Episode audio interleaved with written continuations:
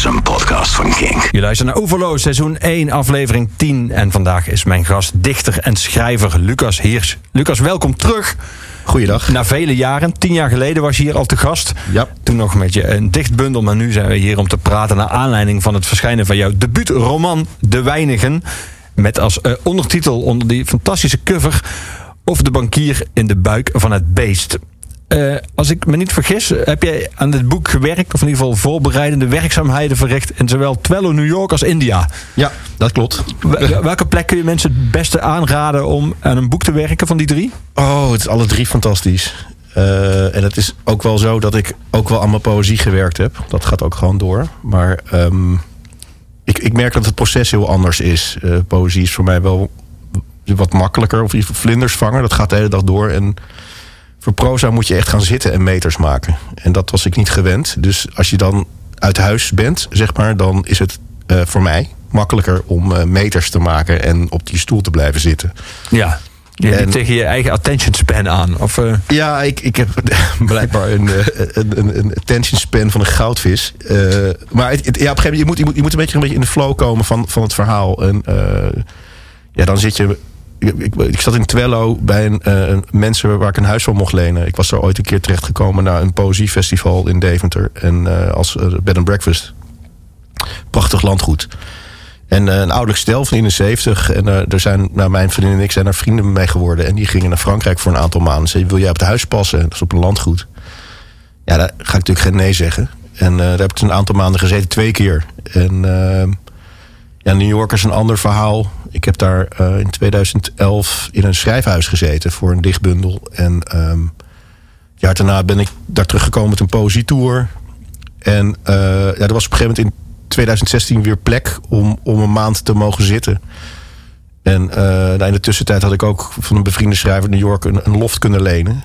Ergens in Dumbo, Brooklyn. Ja, dat is allemaal ontzettend een mazzel. wat een ontzettende, vast ook fijne, maar ook handige mensen kom je tegen. Handig om te kennen. Nou ja, ja als je op zo'n als je op zo'n internationaal, in zo'n internationaal schrijfhuis zit, dan kom je wel mensen tegen die. Want van speelt dat is een huis waarop eh, met verschillende kamers, zoals me- meerdere huizen, Ja. maar eh, in, in elke kamer zit iemand uit een ander deel van de wereld te werken. zitten schrijven en dan heb je dan zeg maar een soort van algemeen hu- huisdeel, zeg maar, waar de keuken is. En er, er is een chef die voor je kookt. En eh, dan moet je wel op solliciteren op die plek. En dat is bijna onmogelijk. Maar als je er tussendoor piept, wat ik gedaan heb, dan gaan er wel deuren open als je het een beetje.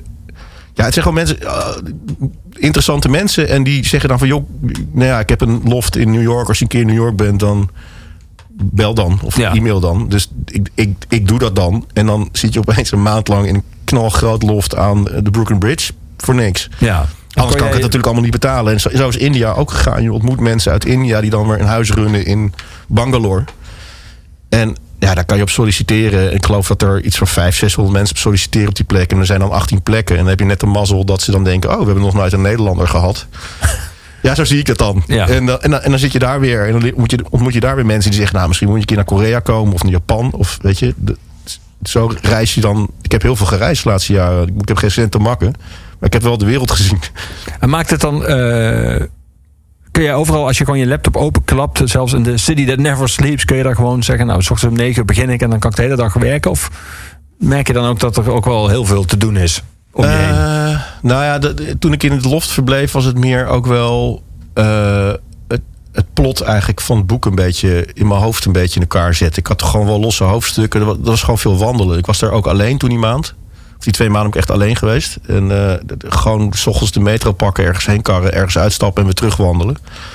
Eh, ik fotografeer ook hobbymatig, dus camera mee, foto's maken, veel musea bekeken. En gaandeweg het lopen ga je aan het boek denken hoe, hoe je het het best in elkaar draait.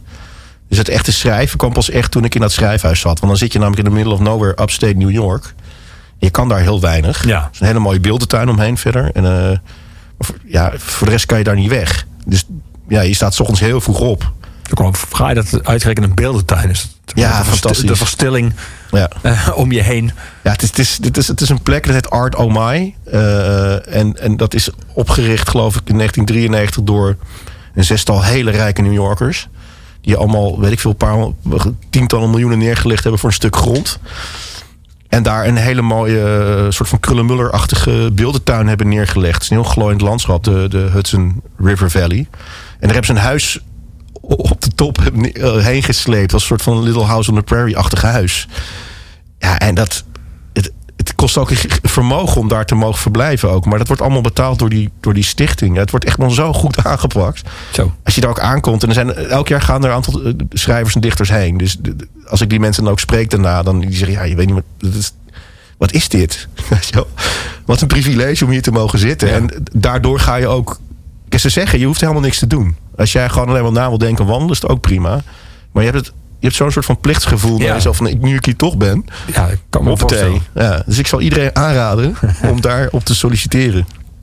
We gaan ook muziek draaien de komende twee uur. eh, naar jouw keuze. En dat is jouw platenkast, een cd-kast of virtuele cd-kast in dit geval. Eh, Velvet Underground, daar gaan we mee beginnen. Waarom, waarom vooral dit nummer? Ja, ik, ik hou heel erg van dat rauwe van, van de Velvet Underground en, en van Lou Reed. Het is, het is echt poëtisch, ah, maar het, het, het is een soort van diesel die door je huis dendert. Ik vind dat heel lekker. En eh, ook wel op mijn vader het vroeger altijd draaide. En ik eigenlijk met die muziek opgegroeid ben. Ja, het zegt nou zelf, het is gewoon een waanzinnig nummer. Waiting for my man. Ja.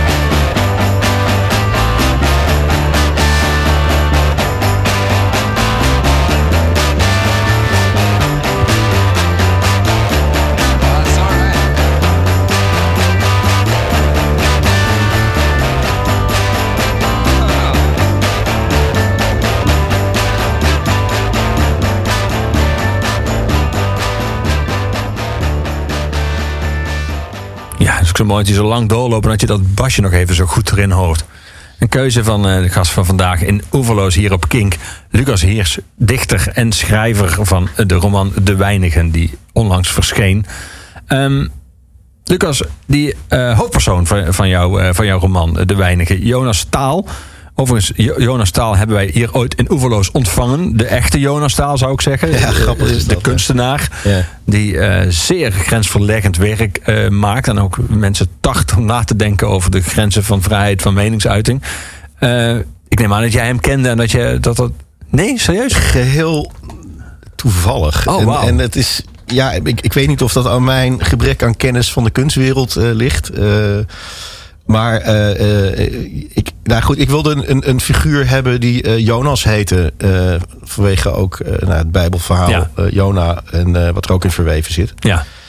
En het moest een beetje een, een, een, een Joods klinkende naam zijn. Staal. En ik heb het bedacht, misschien moet het S-T-A-E-L zijn. Staal krijg je, maar dat is, dat is Vlaams dan een beetje. En ik, ik vond het wel een sterke naam. eh, eigenlijk. Het moest wel een, een, een- pittig figuur zijn, maar niet eh, onbuigbaar. Staal is uiteindelijk ook gewoon te buigen. En ik had dat bedacht. En eh, op een gegeven moment zei iemand: Ja, maar dat is een echt bestaand persoon. Dat is een kunstenaar. En toen ben ik hem eigenlijk een beetje gaan researchen. Toen dacht ik: Nou, het past eigenlijk wel, de persoon. Vind ik ook. Ik denk dus dat die- is toevallig. Ik, weet niet of je zo'n gehoord hebt, maar ik kan vast dat het zelfs vereerd zou zijn. Want hij vindt het ook leuk om te spelen met identiteiten en met de werkelijkheid. Ja, dat is heel grappig. Nou ja, ik, ken, ik ken hem niet persoonlijk. En, eh, maar ik, ja, ik, ik dacht, nou ja, volgens mij vindt hij het niet erg. Denk ik. Nee. En als hij het wel erg vindt, dan hoor ik het wel. En, eh, Ja. Maar het is eigenlijk heel toevallig. Maar ik vond het wel een goede naam eigenlijk. Ja. Hij- Die, die Jonas Staal van jou, die in jouw boek, die werkt als intelligence officer bij een bank eh, die tijdens de crisis wordt overgenomen. Die bank is heel groot, die hebben een board en die board hebben zelfs een corporate butler. eh, die, die Otto heet. Eh, je hebt zelf eh, in de bankenwereld gewerkt. Eh, Ja. het zal heel, misschien is het heel naïef, ik ken die wereld helemaal niet goed. Bestaat dat, een corporate butler? Of, Eh, of is dat wel jouw ja, dat bestaat echt. Eh, nou ja, goed, ik, ik zal niet. Ik wil niet al te veel ingaan op wat ik precies gedaan heb voor. voor eh, ik heb voor vier banken gewerkt. En, en goed, als je het boek leest, dan begrijp je ook waarom ik niet echt in wil gaan op eh, wat ik precies gedaan heb. Maar ik heb voor een bank gewerkt waar ze inderdaad een corporate butler hadden. Eh, dat was ik destijds ook erg verbaasd over. Maar toen mij uitgelegd wordt wat deze persoon deed, was dat eigenlijk ja, vrij logisch eigenlijk. Jij had ook een ander, andere naam kunnen geven voor een personal assistant van de board of zo. Maar Ja. ik vind corporate butler, ik vind het wel goed. goed en dat was ook een toeval, ik ken hem toevallig ook. Het is echt een geweldige kerel ook. En eh, alles wat je van een butler bedenkt, dat was hij ook. Een Ja. zeer, zeer welbespraakt, mooi dubbele achternaam. ehm, een zeer intelligente man. Ja. En die wist gewoon precies, ehm, als een van de weinigen, hoe de hazen liepen binnen dat bedrijf. Ja. Dat is echt eh, fascinerend, vond ik dat. Wat even voor ons beeld, want dat is wel relevant, omdat het anders moeilijk praat. Eh, Ik kan me voorstellen dat je niet eh, jouw hele werkzame verleden bij een bank uit de doeken wil doen, omdat heel veel dingen die de hoofdpersoon in jouw boek meemaakt ook heel erg met geheimhouding te maken hebben. Ja. Maar moeten wij ons voorstellen, want het, het boek leest ook al als een inside story van hoe het bij banken gaat. En met zoveel specifieke kennis en vooral specifieke woorden en specifieke taal, dat je dit volgens mij alleen maar kan schrijven als je ja, eigenlijk als je bij een bank gewerkt hebt of iemand heel goed kent die bij een bank werkt. Ja. Maar ehm, dat, dat wat jouw hoofdpersoon meemaakt, dat bij een bank, in dit geval eh, in, in jouw boek wordt die bank die wordt eh, eh, door een soort investeringsmaatschappij, als dan zo lijkt het, gesplitst en verkocht. En da- daar blijkt van alles, even, ik vat het nu heel simpel samen, maar daar blijkt van alles niet in de haak te zitten voor hoe dat gaat en vooral wat de redenen erachter zijn. Maar moet ik me voorstellen dat jij ook in die wereld zo, dat jij een vergelijkbare functie had, Ja. dat jij dit soort dingen moest onderzoeken en Ja. Ja. dus je hebt heel wat geheimhoudingsclausules moeten tekenen in je leven waarschijnlijk. Nou, eh, eh, nou goed, dat, dat moet je bij eh, elk bedrijf moet je dat. En, eh, eh, nou ja, goed, dat heb ik dus nu ook moeten doen. En eh, wat ik al zei, ja, het boek gaat inderdaad over hoe ga je om de geheimhouding om en wat gebeurt er als je wel uit de school klapt. Ja. En eh, nou ja, dat is niet fraai. Ik bedoel, die, die- die grote multinationals hebben dan echt een, een batterij aan advocaten en ze kunnen het je heel lastig maken. Dus ik ben daar heel voorzichtig eh, mee om namen te noemen. Dus, er staan ook geen namen van bedrijven eh, Nee. in. Of de rest is allemaal fictief. Maar het is ook wel zo dat als je een beetje handig googelt als buitenstaander... dat je dit verhaal ook wel enigszins in elkaar had kunnen draaien. Want er staan wel verwijzingen naar grote schandalen in. Dat is allemaal natuurlijk in de pers eh, eh, uitgekomen. Ja, zoals een hele dubieuze bank die eh, ook onderzocht werd omdat ze eh, terrorisme zouden Ja. financieren. Ja, dat is, dat is de. Ja. Ik bedoel, elke multinational heeft een, een, een, een, een corporate intelligence afdeling. Dus, de- dus, dus nou ja, goed, de, de, de, de grootgutter tot de. Tot, de, tot de, eh, heet dat, de benzineproducent. Die, die hebben allemaal eh, afdelingen waarin mensen zich bezighouden met de veiligheid van de bank in de breedste zin van het woord. Eh, dus dus van, de, van de bewaking beneden tot eh, het, het, het zaken doen met eh, derde partijen die misschien eh, nou ja, corrupt zijn of crimineel. En nou ja, dan heb je dus een, in zo'n afdeling waar ik voor gewerkt heb, wat je in, mensen die in intern onderzoek deden, bijvoorbeeld naar nou ja, mensen die bij de kassa werkten van een bank, zeg maar, in een greep deden uit de kas. Dat werd onderzocht. Maar ik zat dan bij een onderdeel wat intelligence heette en dat verzamelde en analyseerde informatie over, eh, nou ja, mijn taak was dan de Russische oligarchen en het Midden-Oosten.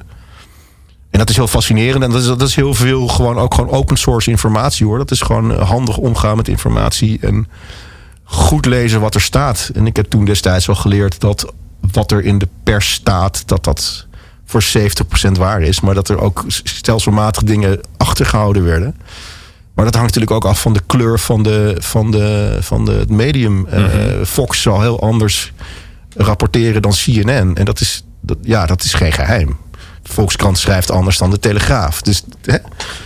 nieuws is natuurlijk ook een soort van strategie om in te zetten. En zeker Ja. ook wat je als bedrijf zelf naar buiten brengt. Ja, want die hoofdpersoon van jou, Jonas, die, die komt daar ook. eh, die komt eigenlijk in een vergelijkbare situatie terecht. Er is een rapport en dat rapport eh, is heel anders. De officiële bekendmaking van het management van die bank is heel anders dan wat, wat er in de media wordt eh, Ja. gebracht. Ja. Eh, en die Jordan Palestinian Bank die speelt een vrij grote rol. Ja, een beetje aan de zijlijn wel. Maar Ja. dat, is, wordt wel, ja, dat is ook een, een onderzoek van die hoofdpersoon van Jonas. Die gaat onderzoeken. En nou ja, hij beschrijft ook dat hij dat bij een ander bedrijf ook onderzocht heeft. Maar niet, maar niet erachter komt waarom het überhaupt een klant is van die bank. En, en dan blijkt dus dat... Ja, goed, ik kan niet altijd veel verklappen. Mensen moeten het zelf maar lezen. nee, maar dat er, dat er, plot-driven. Ja. nou, dat er wel een, een, een soort van eh, een logica achter zit. Eh, en of je het er nou mee eens bent of niet. Dat er een logica achter zit dat, dat, dat zo'n bedrijf eh, toch klant kan zijn van een bank. De- de- ik denk, ik, ik heb aan willen geven dat, dat een bank ook geopolitiek. ehm, nou ja, als- als je een grote bank bent, dan, dan ben je ook een geopolitieke speler. En ik denk dat heel veel mensen dat niet in, dat mensen dat niet eh, doorhebben. Die zien natuurlijk alleen maar dat een bank eh, is om een hypotheek te, af te sluiten en eh, nou ja, goed, je bankrekening. Maar er, een, een, goed, een grote multinational is gewoon eigenlijk een staat op zich. Ja. Gaan we daar ook verder over praten. We gaan nu naar de gevangenis met Johnny Cash samen.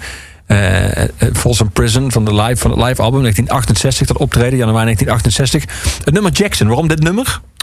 Eh, ja, korte versie. Ik zat een, eh, ik denk een jaar of tien geleden met Erik Jan Harmens in de auto eh, van eh, Dordrecht naar Gent. En het sneeuwde. En, en hij draaide altijd Johnny Cash. En ik was daar helemaal niet zo van. Maar na vijf, zes uur door de sneeuw geploegd te hebben, was ik ook om. En ik draai het nu super vaak. En het is, dit is eigenlijk gewoon ja, een nummer voor hem. We got married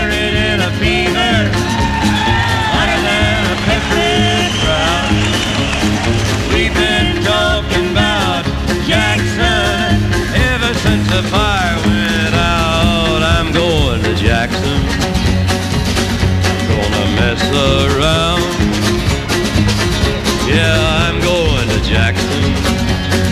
Look out, Jackson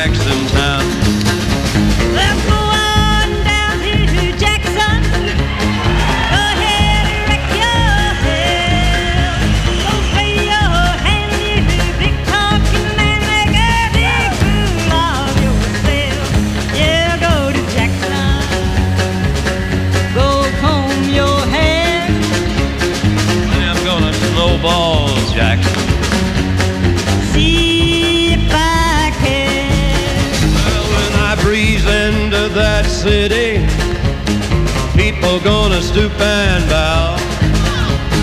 All them women gonna make me teach 'em what they don't know how. I'm going to Jackson. You turn loose of my coat. I'm going to Jackson.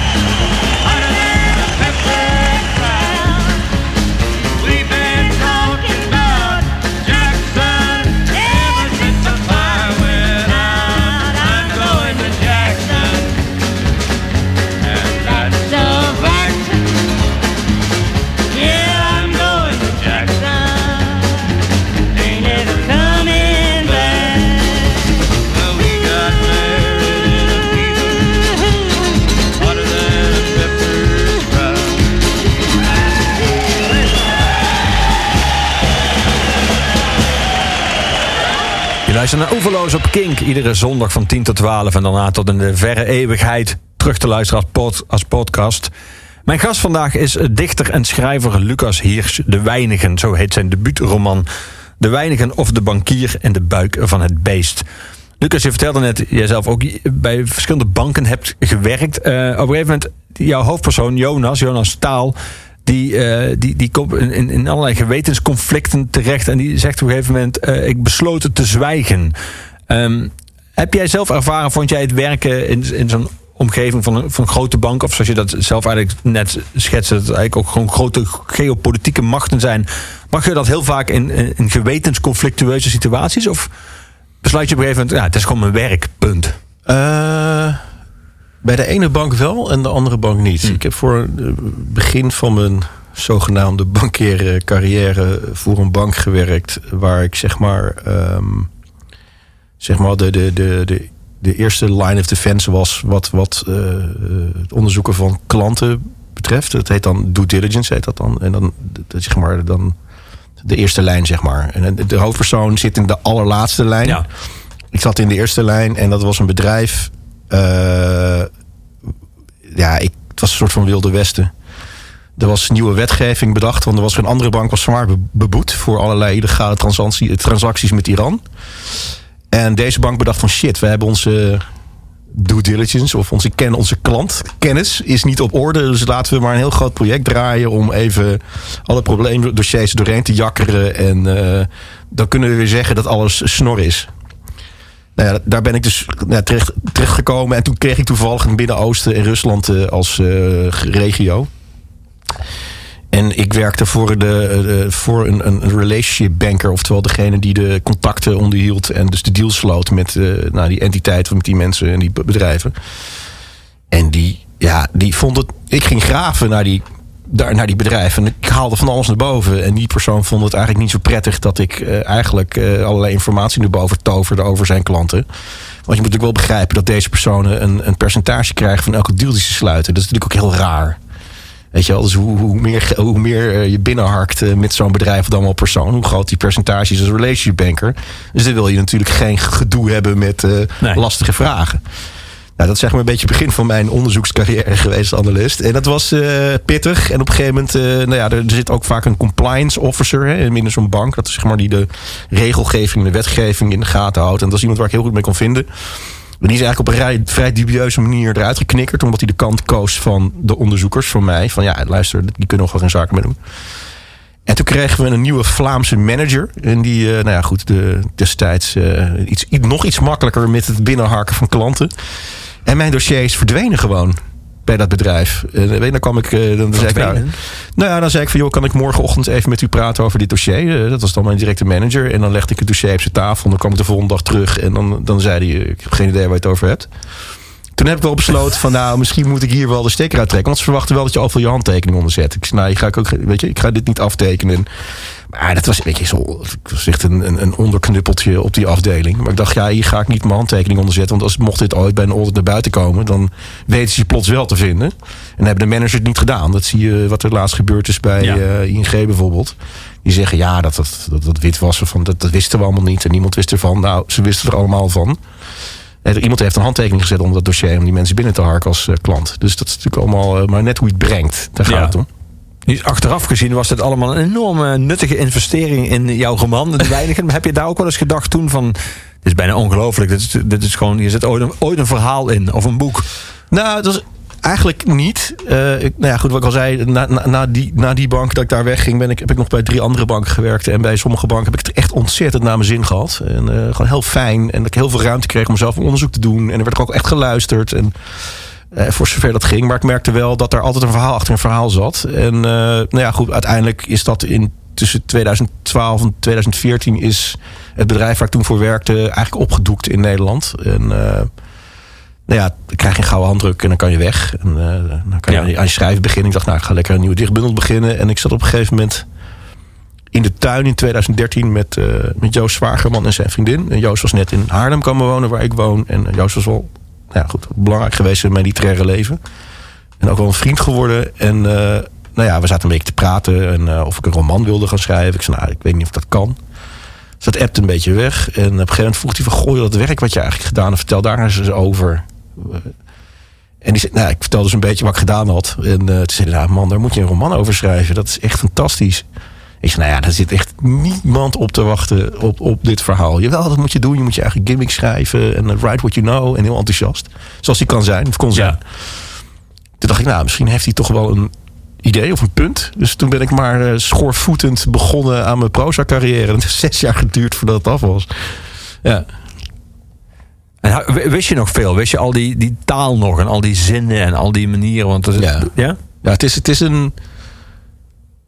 ja, Het is toch een bepaald lingo wat je hanteert en waar je in rolt. En ik, bedoel, ik ben historicus, dus ik was een exoot voor zo'n bank. Dus daar rol je in. En ik moest ook als een malle leren. En, eh, en alles is ook wel te vinden om te googlen en terug te vinden. Dat is, eh, dat is Ja. geen geheim. Alleen het is, al zei de afdeling waar ik voor gewerkt heb, eh, is niet een heel bekende afdeling. Ook niet binnen de bank. Want als je binnen de bank wel de afdeling ke- eh, kent, zit je of heel hoog in de boom. Of je hebt iets gedaan wat niet helemaal door de beugel kan.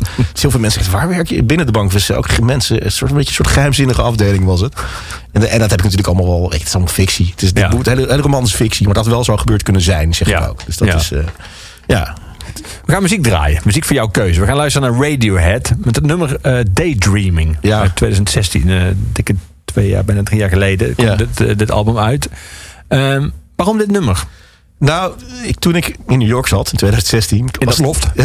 ja, nee, nee, nee op de, in het schrijfhuis. Oh, het schrijfhuis, Eh, ja. Een Moonshaped Pool. Nee, Poolshaped Moon. Moon Shaped Pool. Ja. Moon, ja, ik haal het onder elkaar. Moonshaped Pool heet de plaat. En die was toen net uit. En ik ben echt een Tom York Radiohead fan. En die kwam uit. En Daydreaming stond erop. En ik heb een maand lang die plaat gedraaid. En het hele huis waar ik zat werd helemaal lijp van die plaat. Maar iedereen neurde dit wel mee.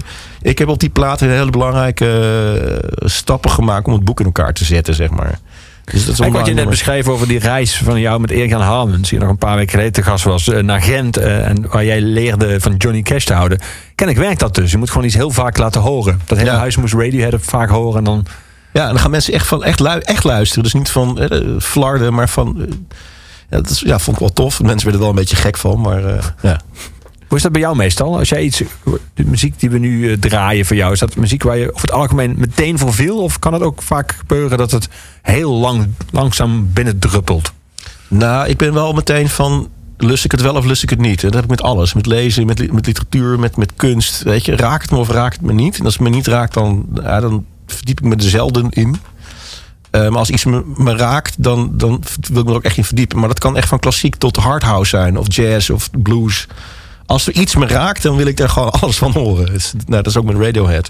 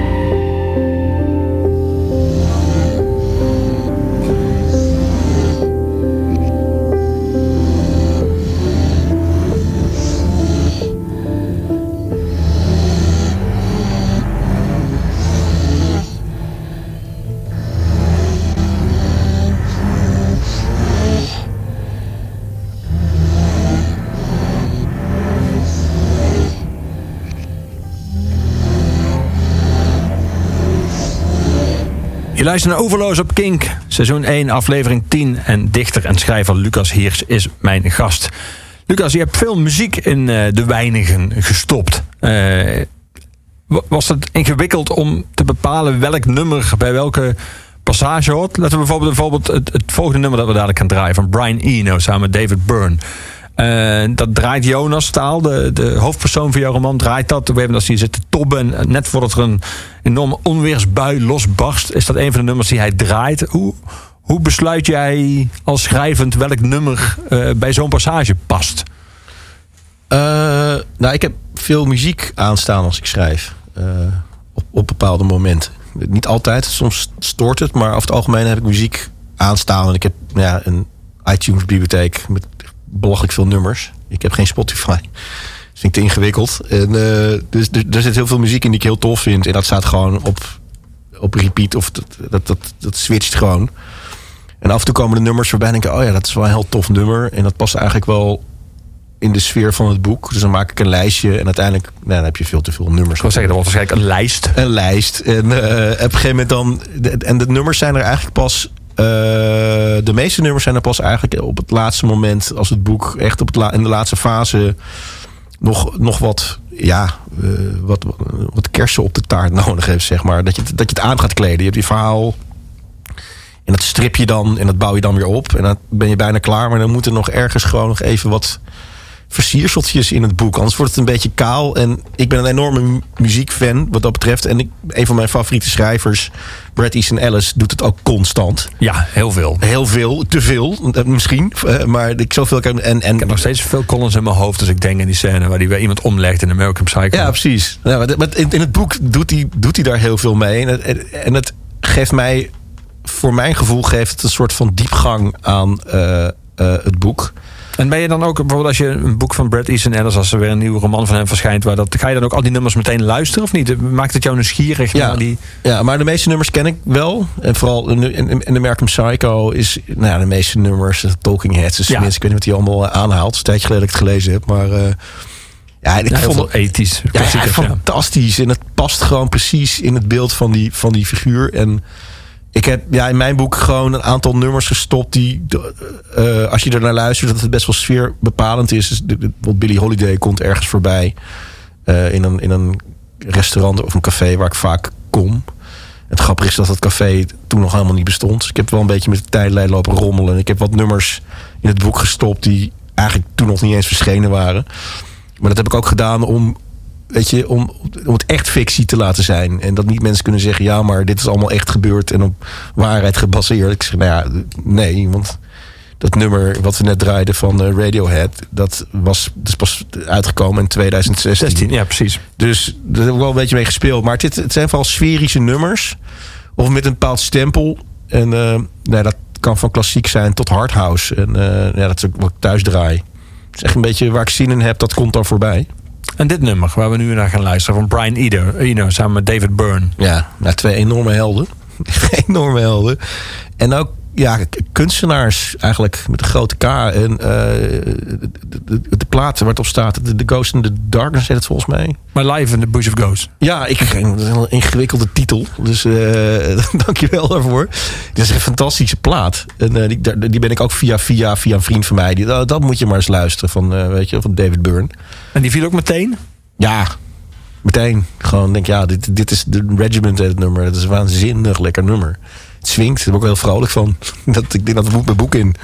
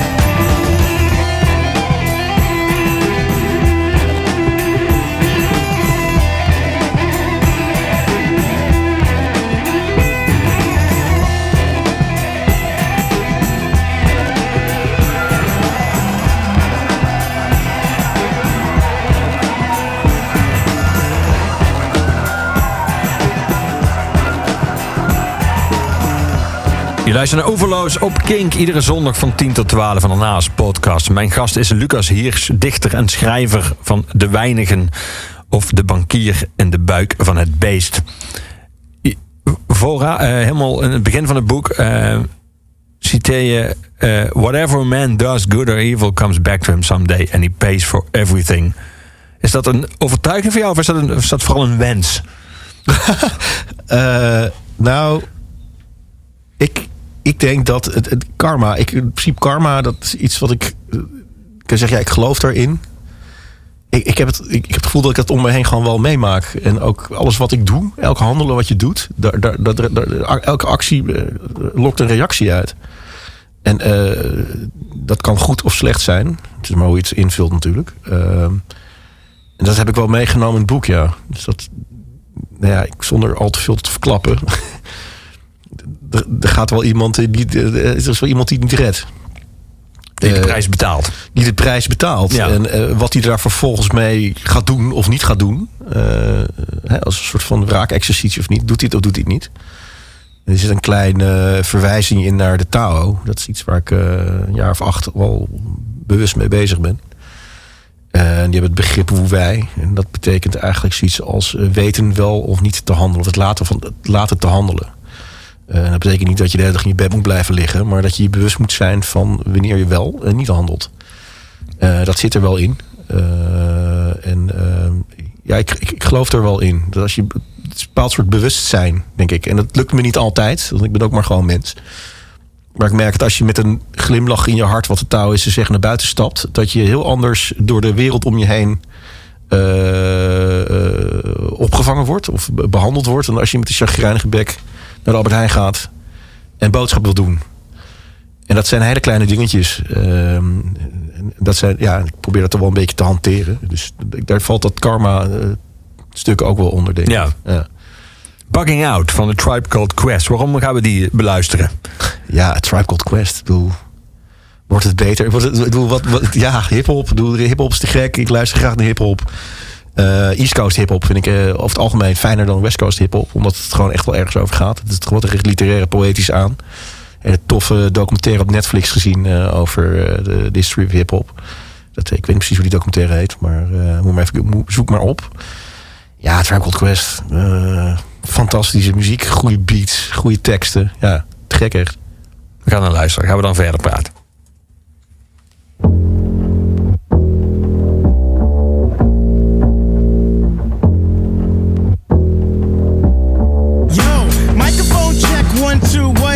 Is this?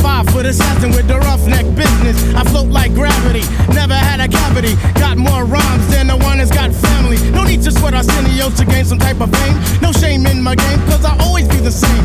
Styles upon styles upon styles is what I have. You wanted just to fight for, but you still don't know the half. I sport New Balance sneakers to avoid a narrow path. Messing around with this to catch the size of the. I never have stuff cause I'm not a half stepper. Lot of soda, so they call me Dr. Pepper. Refuse to compete with BS competition. Your name is special so won't you suckle with the mission? I never walk the street, think it's all about me. Even though deep in my heart, it really could be. I just try my best to like go all out. Some might even say, yo, shorty black, you're bugging out. Uh, Zulu Nation, mother's last creation. Minds get flooded, ejaculation. Right on the two inch tape. The abstract poet incognito runs the cape, not the best, not the worst. And occasionally I curse to get my point across. So bust the floors as I go in between the grit and the dirt.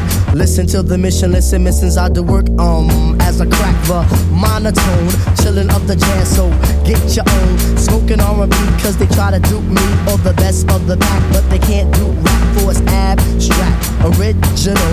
You can't get your own, and that's pitiful.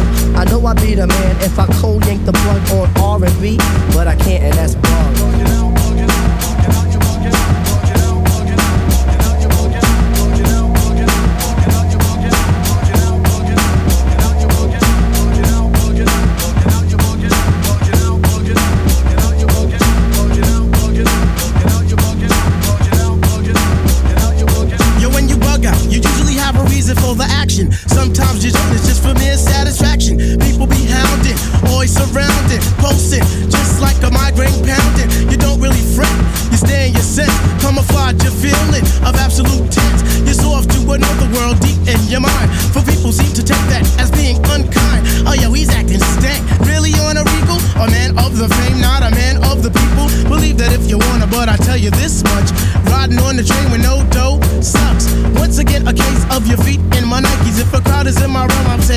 please?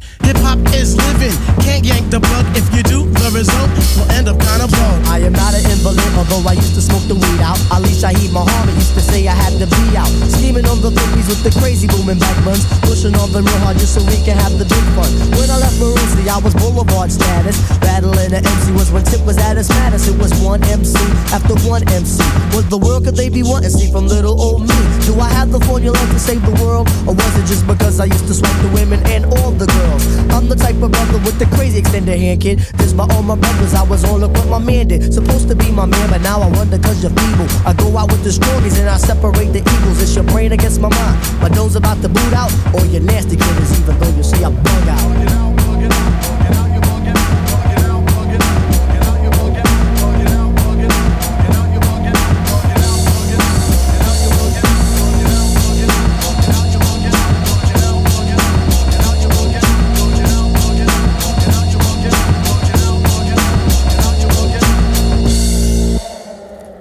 Keuze van mijn gast vandaag in Oeverloos, schrijver en dichter Lucas Hiers.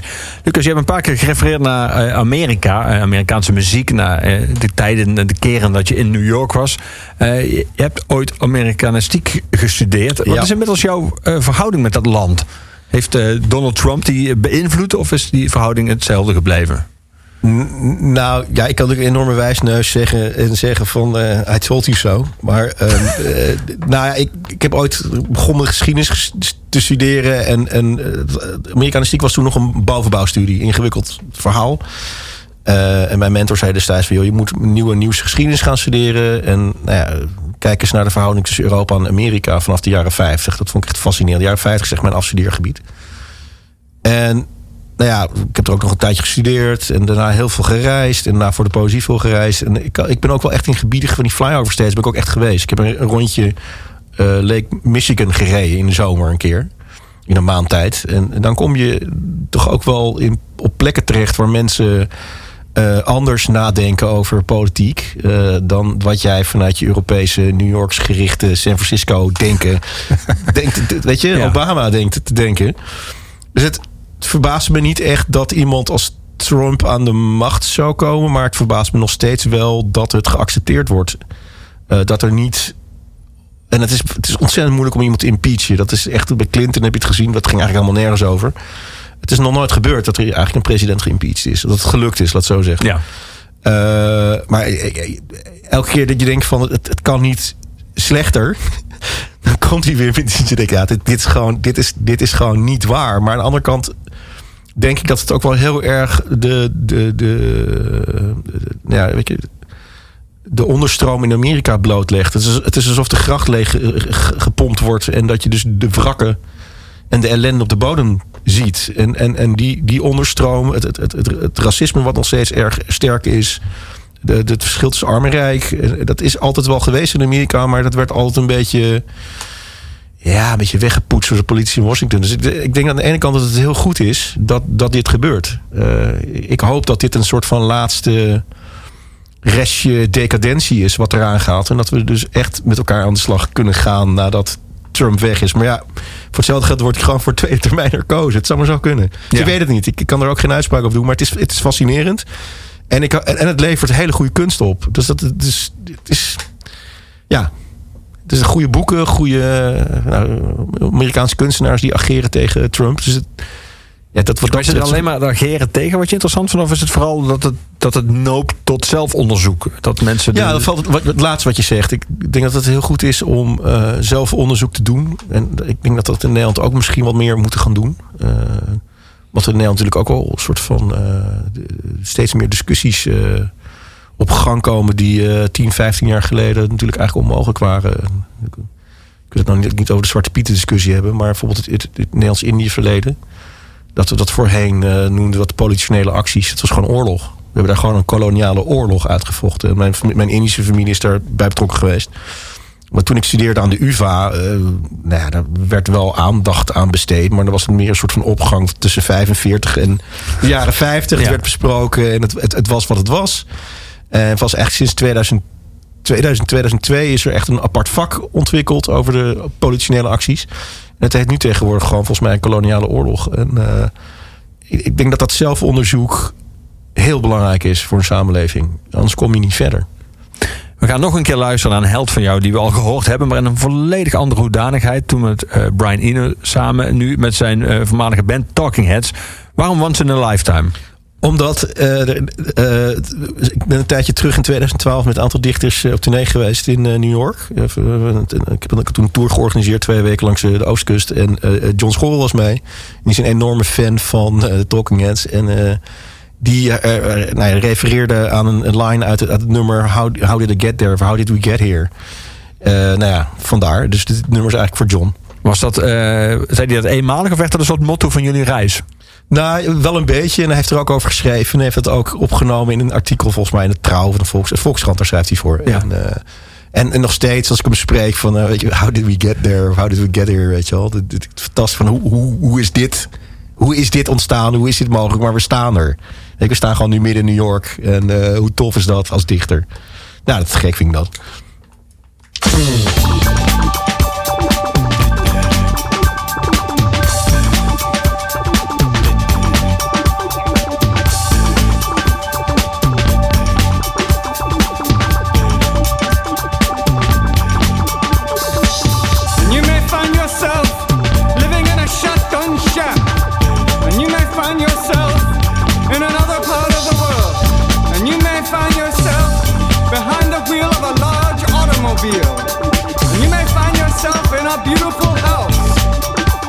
With a beautiful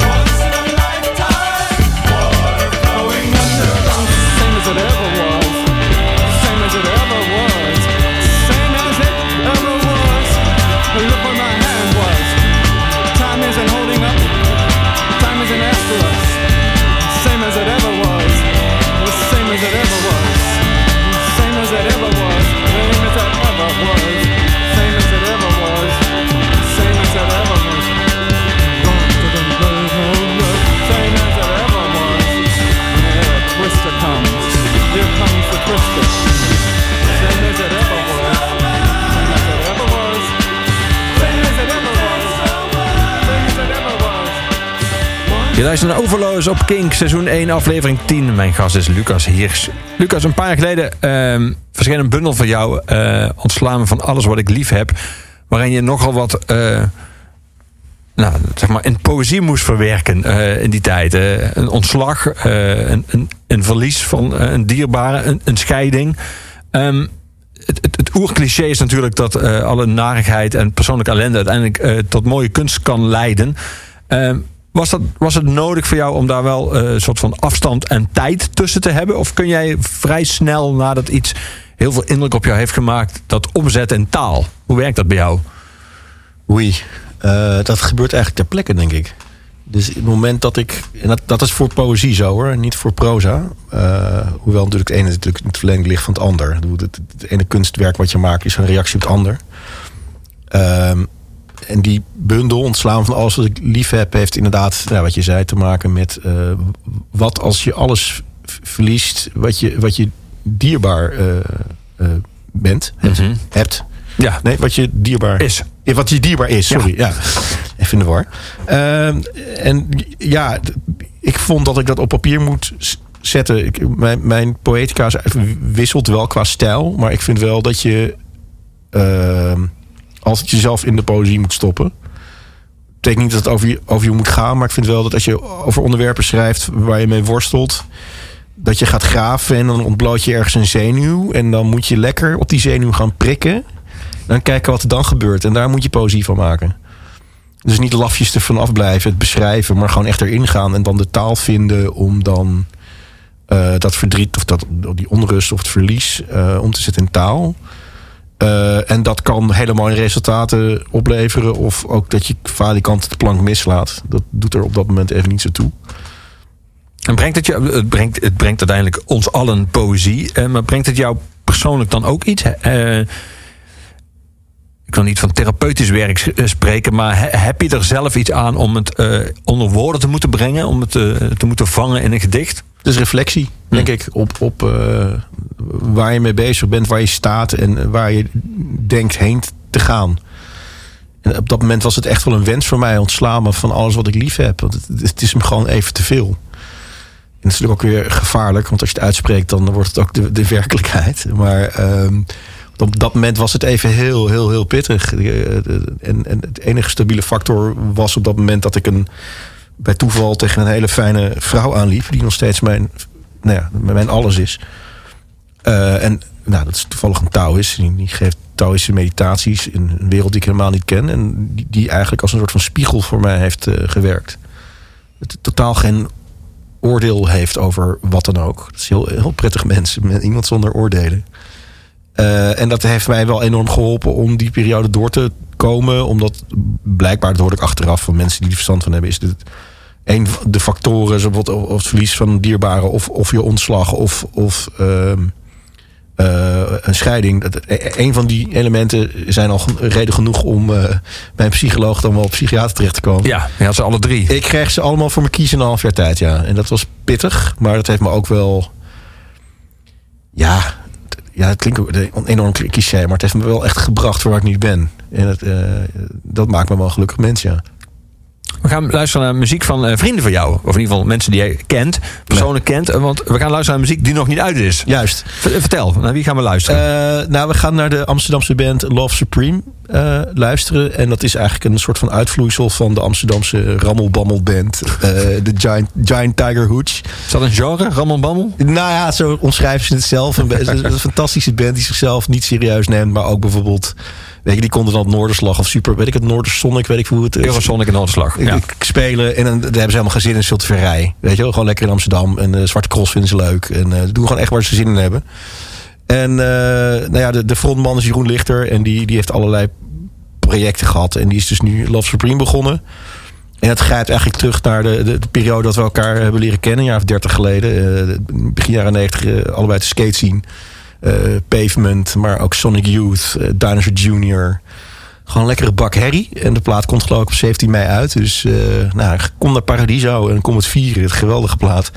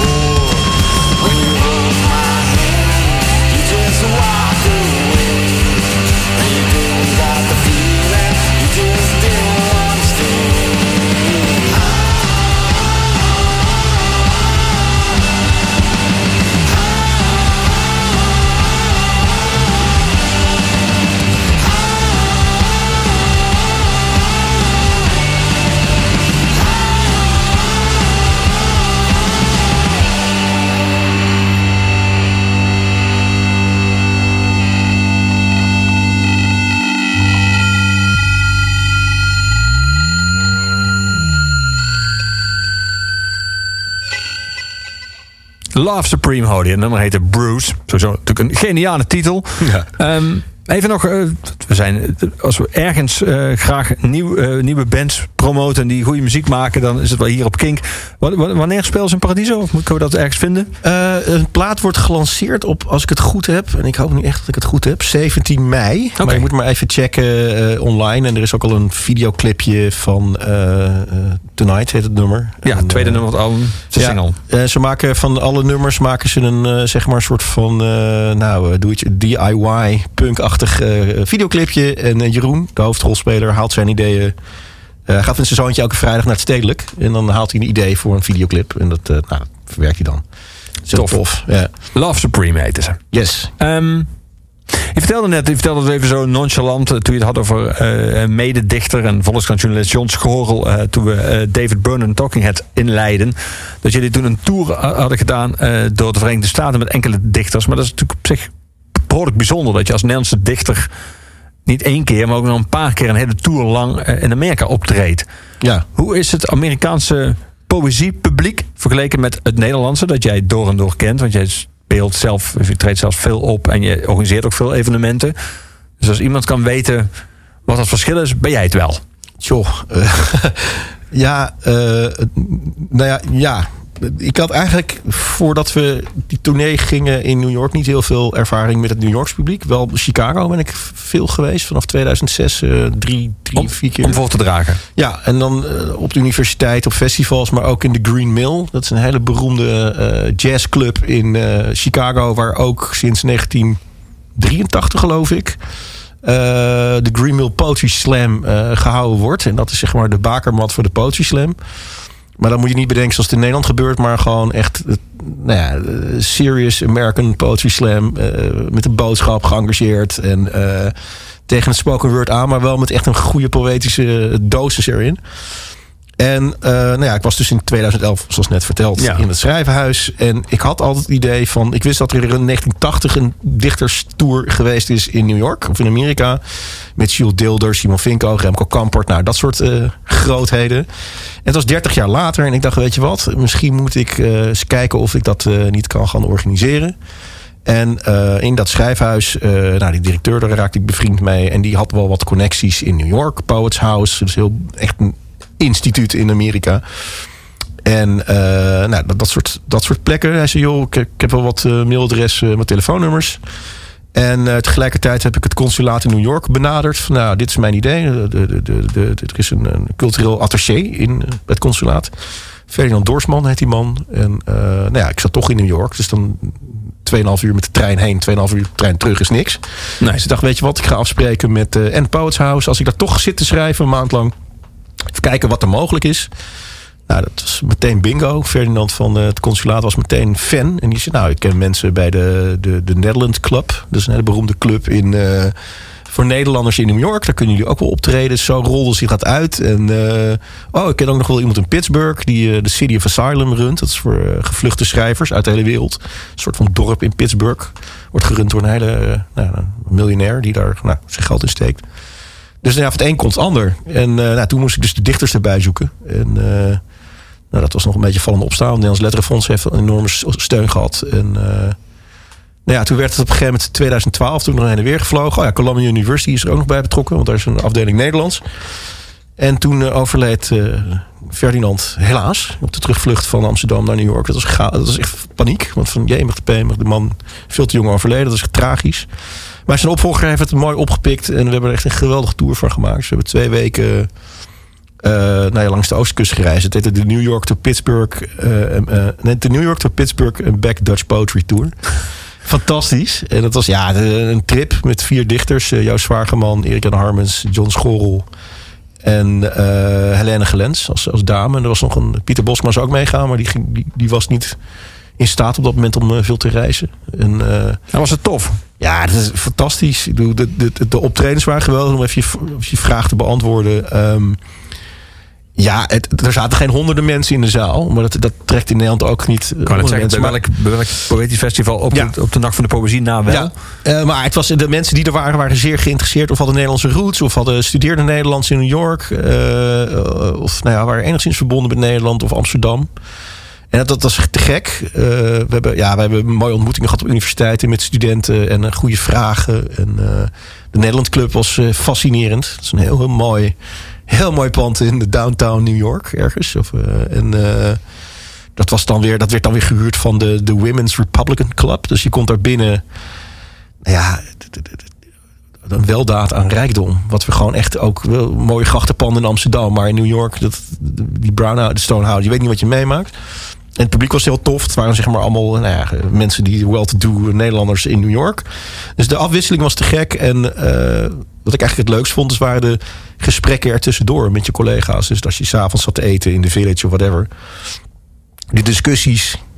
Dus de, de, de, de kennis over muziek tussen John en eh, Joost Zwagerman was te gek. En eh, eh, rondgeleid door Joost in het MoMA. Kreeg gewoon een privé rondleiding. En Cindy Sherman hing er toen. Daar wist hij van alles van. Het is, ja, dat was twee weken eh, de- je verbazen over de, de, kwaliteit en de kennis en het intellect van je collega's. Ja. Dat is geweldig. Dat is echt fantastisch. We gaan muziek draaien. We gaan luisteren naar Neil Young. Waarom eh, Old Man? Eh, ik heb, nou ja, wat ik al zei, eh, sinds zeven jaar een nieuwe vriendin. En die heeft eh, een zoon en een dochter. En eh zoon lief, die, die, eh, nou, die is 15 nu. En dan kan ik me heel veel muziek kwijt, zeg maar.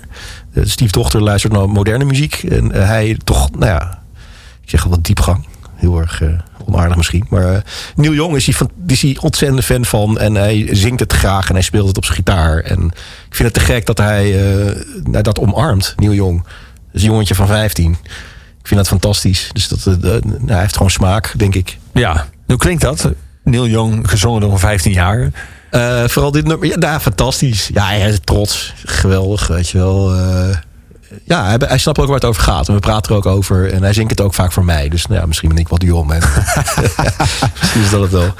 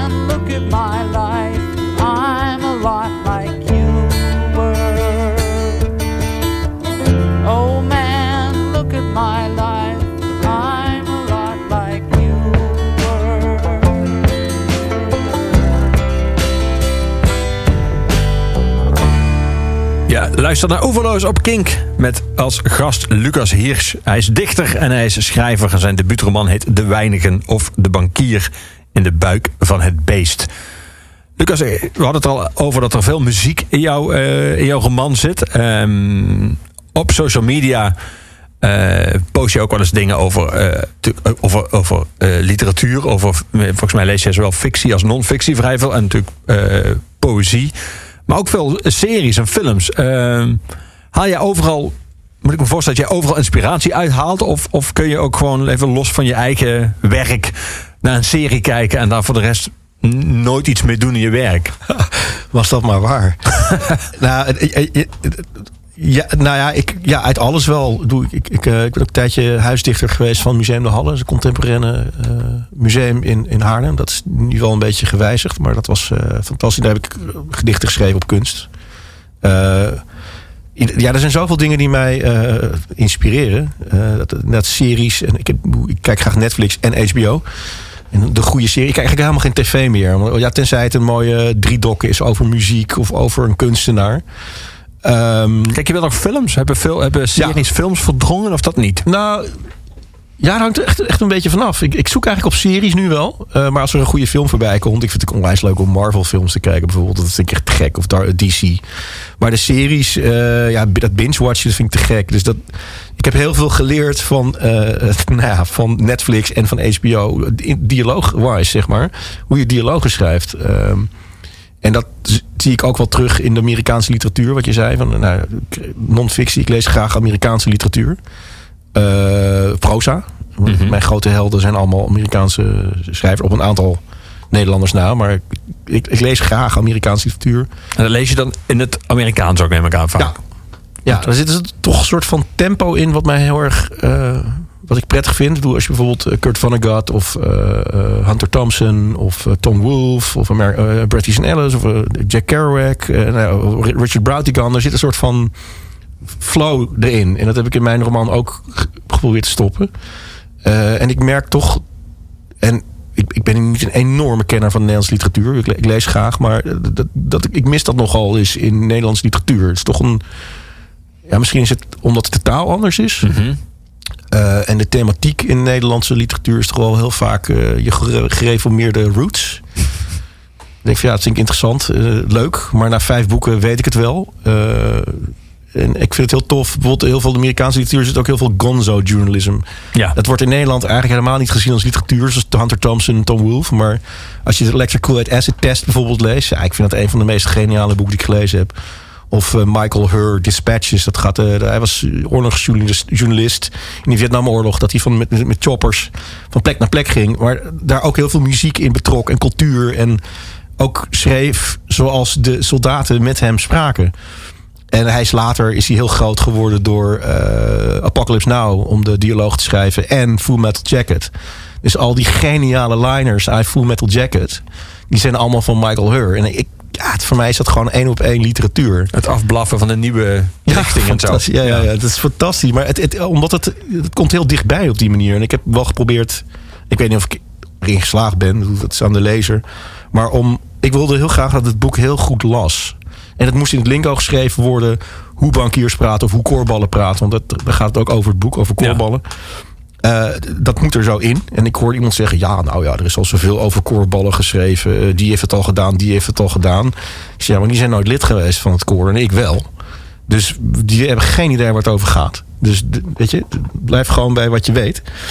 Dus ik, en dat zie ik heel erg terug in, ja, in de Amerikaanse literatuur, maar ook in de muziek. En de thematiek, ja, ik vind dat prettig. Dus ik, jat alles, nou niet jat alles, maar ik, ik Je laat je inspireren. Heel erg. Ja, en Ja. ik ben daar heel eerlijk in. En ook eh, grote schrijvers omheen. Als ik denk van wauw, eh, die manier van schrijven vind ik tof. Dan ga ik onderzoeken of ik dat ook kan toepassen. Bedoel, eh, ja, ik ben daar heel eerlijk in. Ja. The Birds is het laatste nummer dat we uit jouw kast gaan draaien. Wat is, wa- waaraan denk jij bij The Birds? Aan mijn vader.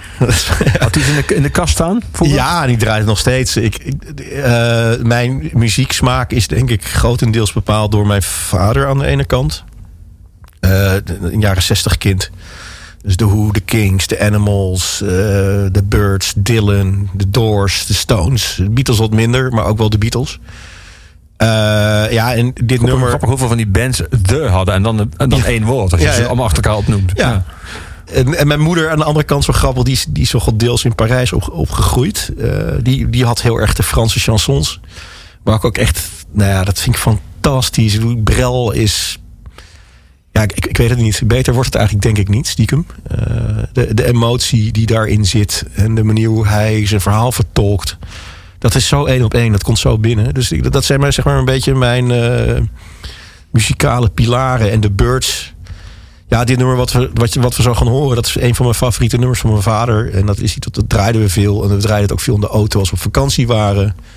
Ja, gewoon goede herinneringen. Dus vandaar, deze is voor mijn pa. My Back Pages, zo heet het nummer van The Birds.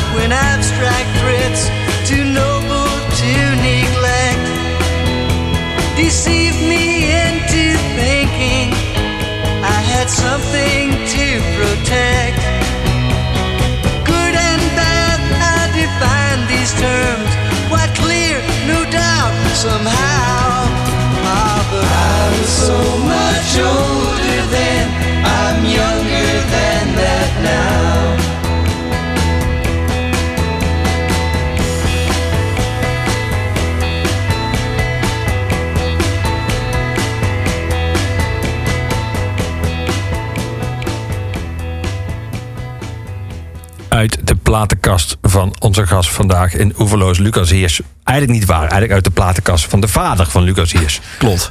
En was hij dan ook, eh, en is hij nog steeds eh, eh, een- iemand die heel veel over die, over die nummers wist? Of luisterde hij gewoon? Of, Nou, hij, ja, hij wist er wel veel van. Want het is een theoloog en filosoof. En, nou ja, de, de, de Birds, de- zeg niet dat ze er bekend om stonden... maar er waren er meerdere bands uit de jaren 60 en 70... die toch wel refereerden aan de Bijbel of aan, aan de filosofen. Dat wist hij dan allemaal te uit te leggen. Ja, dat vind ik fantastisch. Het is fantastische kennis is dat gewoon. Algemene, algemene ontwikkeling, een brede algemene ontwikkeling, mijn vader. Dat is fantastisch, vind ik dat. Ja. We hebben het uitgebreid gehad over de weinigen. Maar het- je, je noemde een paar keer tussen de regels door. Maar je hebt ondertussen ben je ook een poëzie blijven verder schrijven. Eh, eh, betekent dat ook dat er een, een, weer een nieuwe poëziebundel aanstaande is? Of in ieder geval in de, in de maak? Ja, er is zeker een nieuwe bundel. Ik heb, na vijf jaar komt er eindelijk weer een nieuwe bundel. Ik heb bewust ook gezegd tegen eh, de, de uitgever van mijn poëzie. Dat is de Arbeiderspers. Eh, de, roman komt bij in de knipscher uit. Eh, ik, heb, ik heb in begin april heb ik een, een, een, afspraak met mijn poëzieredacteur. Ehm, en het, het- wordt een, nou ja, vuistdikke bundel, mag ik wel zeggen. Ik geloof iets van 80 gedichten. Eh, gaat heten Woe wij eten ei. Ehm, heel erg de vraag die centraal staat, die ik me stel van wie ben ik als ik uit emoties van andere mensen besta? En dan wil ik eigenlijk, dan refereer ik naar de, de toch wel de social media eh, samenleving die we zijn geworden. Dat, dat, en ik ben natuurlijk een, een oude bok daarin. Dus Instagram vind ik leuk om fotootjes te posten. En eh, dat is het dan. Maar ik zie aan mijn stiefkinderen dat die daar hun hele leven bijna... Hè, ik chargeer het een beetje, maar aan ophangen. Van als ik iets post en het, het heeft geen honderdduizend likes... dan voel ik me de hele dag een minder mens. Ik chargeer heel erg nu. Ik, mijn, kinderen Ja. gaan, of mijn stiefkinderen gaan daar wel goed mee om. Maar ik zie dat wel... Ik geef veel workshops op scholen. En praat ik erover. En dan zie, zie je dat toch. Dus, en toen ik twee maanden in India zat, was er eigenlijk beperkt internet. En eh, ben ik mezelf ook de vraag gaan stellen van wat ik doe op Facebook of op Instagram. Waar doe ik dat voor en eh, waarom zou ik het eigenlijk doen? En ik merkte eigenlijk dat ik toen ik terugkwam, ik zoiets van dat het eigenlijk allemaal ruis is en dat het je afhoudt van wat je eh, werkelijk moet doen in je leven of wil doen in het leven. Dus vandaar de vraag: wie ben ik als ik uit emoties van anderen besta? Of ik daaruit kom, weet ik niet. Want ik ben ook maar gewoon een mens. En ik, ik faal ook hier en daar. Maar dat is ook prettig. Het gaat heel erg over de, het, het, nou, hoe wij dus het, het niet handelen. Of het laten te handelen. En ehm, waar ik dan tegenaan loop als ik dat niet doe. En eh, mijn eigen ego loop ik tegenaan. eh, want dat botst natuurlijk heel erg met het niet handelen. Dat leg ik ook onder de loep. Ehm, en het, het ei-idee komt uit, ook uit de Tao, maar uit alle religies. Het ei is het oerbegin van, van het universum. Het ei breekt open en dan Ja. ontstaat het universum. Dus dat is een beetje. En het gaat over poëzie schrijven. Over wat het nou betekent om dichter te zijn in deze wereld op dit moment. En eh, een reeks India-gedichten. En er zit een stuk in. eh, nou ja, dat de laatste jaren toch wel een, een, een vijftal, zestal eh, bevriende dichters. net dan wel zelfmoord hebben gepleegd, dan wel overleden zijn. En dat hakte er bij mij toch wel heel, heel erg in. Dat, bedoel, ik ben nog niet oud, ik ben 43, maar deze dichters waren 10, 20 jaar ouder. En vooral de, de zelfmoordreeks die er was, er waren er drie. Ja. Rogier Wieg, Joost Zwagerman en Wim Brands. Dat, is, eh, dat vond ik echt heel heftig. En daar heb ik ook nog steeds geen antwoord op. En, dat beschrijf ik ook in mijn poëzie, dat ik daar geen antwoord op heb of geen mening over heb. En vorig jaar zijn eh, Menno Wichman en eh, Frank Starek overleden. En dat heeft me ook echt ja, heel diep geraakt. Dat waren mensen waar ik graag mee omging. Ik zeg niet dat het dierbare vrienden waren, maar wel mensen die je in het circuit vaak tegenkwam en mee sprak. En waar ik ook avonden mee georganiseerd heb. Dus dat is, ja, dat zijn toch je vakbroeders die dan er niet meer zijn. Dus daar gaan ook veel gedichten ook over. Zonder dat het allemaal heel somber en donker wordt hoor. Maar eh, ja, dat zijn dingen waar ik mee worstel en waar ik dan iets van moet maken. Dus, Ja. eh, en dat komt als het goed is in eh, januari 2020 uit. Dus Woe wij eten ei. Ik vond het wel een grappige titel. Zeker. Ja. Dankjewel dat jij was. Vandaag in Oeverloos. De. Weinigen, zo heet die. De roman van Lucas Hiers. De komende week in Oeverloos onder meer Joost de Vries eh, over de noodzaak van pretenties. Eh, Peter Buwalda over zijn nieuwe roman. En eh, Joris van Kasteren. En we sluiten zoals iedere week af met onze eigen huisdichter. Het laatste woord van ieder- iedere Oeverloos is aan Luc de Vos. Dus hier is als antwoord op Old Man van Neil Young. En als aanvulling op wat Lucas zojuist vertelde, het nummer van Gorky, We zijn zo jong.